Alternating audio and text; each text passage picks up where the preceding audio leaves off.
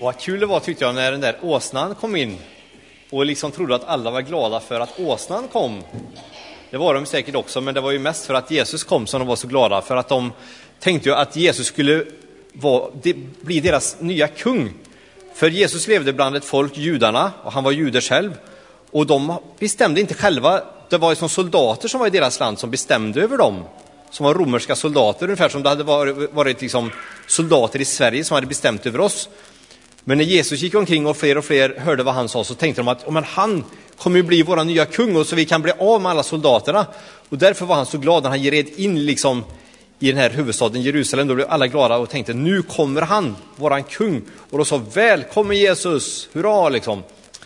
Eh, och när vi pratar om den här texten i kyrkan så brukar vi tänka så här också att även om det här hände för länge sedan och att han kom dit och de trodde att han var kung så är det lite grann samma sak idag, att Jesus han vill faktiskt bli kung, men inte på det sätt som de trodde då. Han vill liksom inte bli kung i Sverige och sitta i, eller sitta i riksdagen eller något, men han vill bli kung på ett annat ställe. Var, är det någon som vill gissa, var vill, var vill Jesus bli kung tror ni? Har du något förslag Lin? Vad sa du?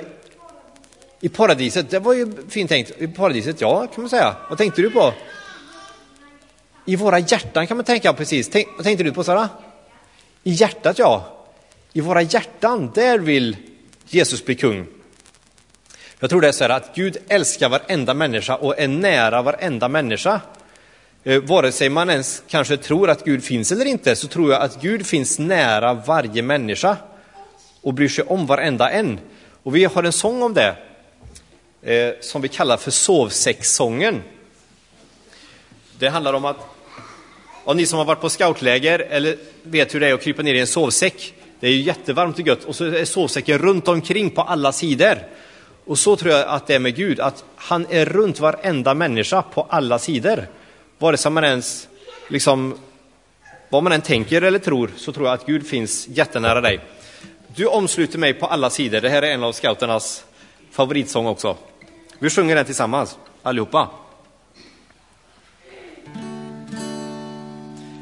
Du omsluter mig på alla sidor och du håller mig i din hand.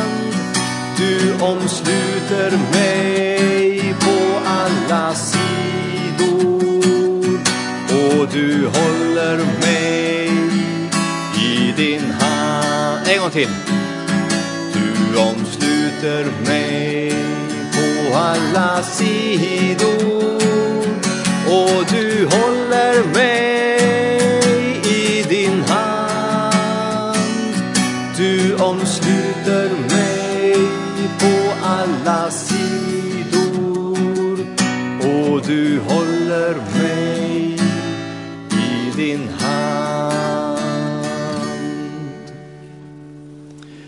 Så jag tror att Gud omsluter varenda en av oss på alla sidor och han vill hålla oss i sin hand. Han är liksom inte nöjd med det tror jag, att bara vara utanför oss på alla sidor som en såsäck. Utan som, Jesus, som jag sa om Jesus, eller som ni sa om Jesus, att han vill vara kung i våra hjärtan. Han vill komma in i våra hjärtan och vara liksom våran kung, våran ledare och våran vän inuti oss. Eh, och då var det en gång en konstnär som skulle måla det på en bild. Han gjorde så här. Eh, det är lite mörk bild, lite svårt att se, men det föreställer Jesus som kung med krona och allt liksom, Så står och knackar på en dörr. Och det här är en jättestor och fin tavla som en känd konstnär som tyvärr jag har glömt bort, jag är inte så konstkunnig, men en jättekänd konstnär. Och det var på en jättestor eh, utställning. Och så var det en konstkritiker där som, som pratade med den här konstnären att ta inte illa upp nu, men du har ju glömt en viktig detalj på den här konstverket. Den är jättefin, men du har ju glömt en väldigt viktig detalj. Är det någon som ser vad som fattas? Det är svårt att se när det är så mörkt. Men det är liksom en dörr.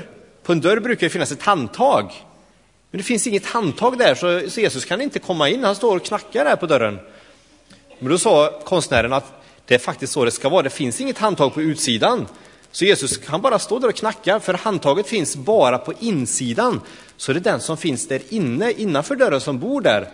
Han kan öppna dörren och släppa in Jesus om han själv vill det. Men Jesus kan liksom inte komma in annars om inte dörren öppnas inifrån. och så tror jag också att det är att Jesus knackar på allas människors hjärtan på dörren liksom.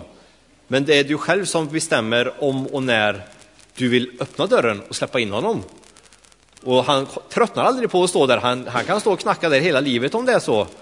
Och när du känner att, men, nu hör jag, nu knackar han. Nu vill han ju faktiskt komma in. Och jag vill faktiskt släppa in Jesus. Då är det bara att du säger, öppnar dörren och säger, ja men Jesus, ursäkta att fått stå här ute så länge, men välkommen in. Du får komma in i mitt hjärta. Och då är han inte sur, utan då kommer han in och vill bo i ditt hjärta. Om man inte vill öppna, men då har Jesus tålamod, då står han kvar ett tag till tills man öppnar. Ja, man kan få vänta, han kan få vänta ett tag, men han har inte så bråttom liksom. Han står där och väntar. Ehm, det finns en sång som heter så här, som vi sjunger ibland på scout. Du är min far, en god far med stora armar som sträcker sig runt hela vår jord. Du är min far och jag är glad att jag får tillhöra dig som ett barn. För att, att vara Guds barn, det är just att, att säga till Jesus att du får komma in i mitt hjärta, välkommen, då blir man liksom Guds barn. Och Gud vill att alla ska få vara Guds barn. Vi sjunger den tillsammans också. Du är min far en god far med stora armar som sträcker sig runt hela vår jord. Du är min far och jag är glad att jag får tillhöra dig som ett barn. En gång till. Du är min far, en god far med stora armar som sträcker sig runt hela vår jord. Du är min far och jag är glad att jag får tillhöra dig som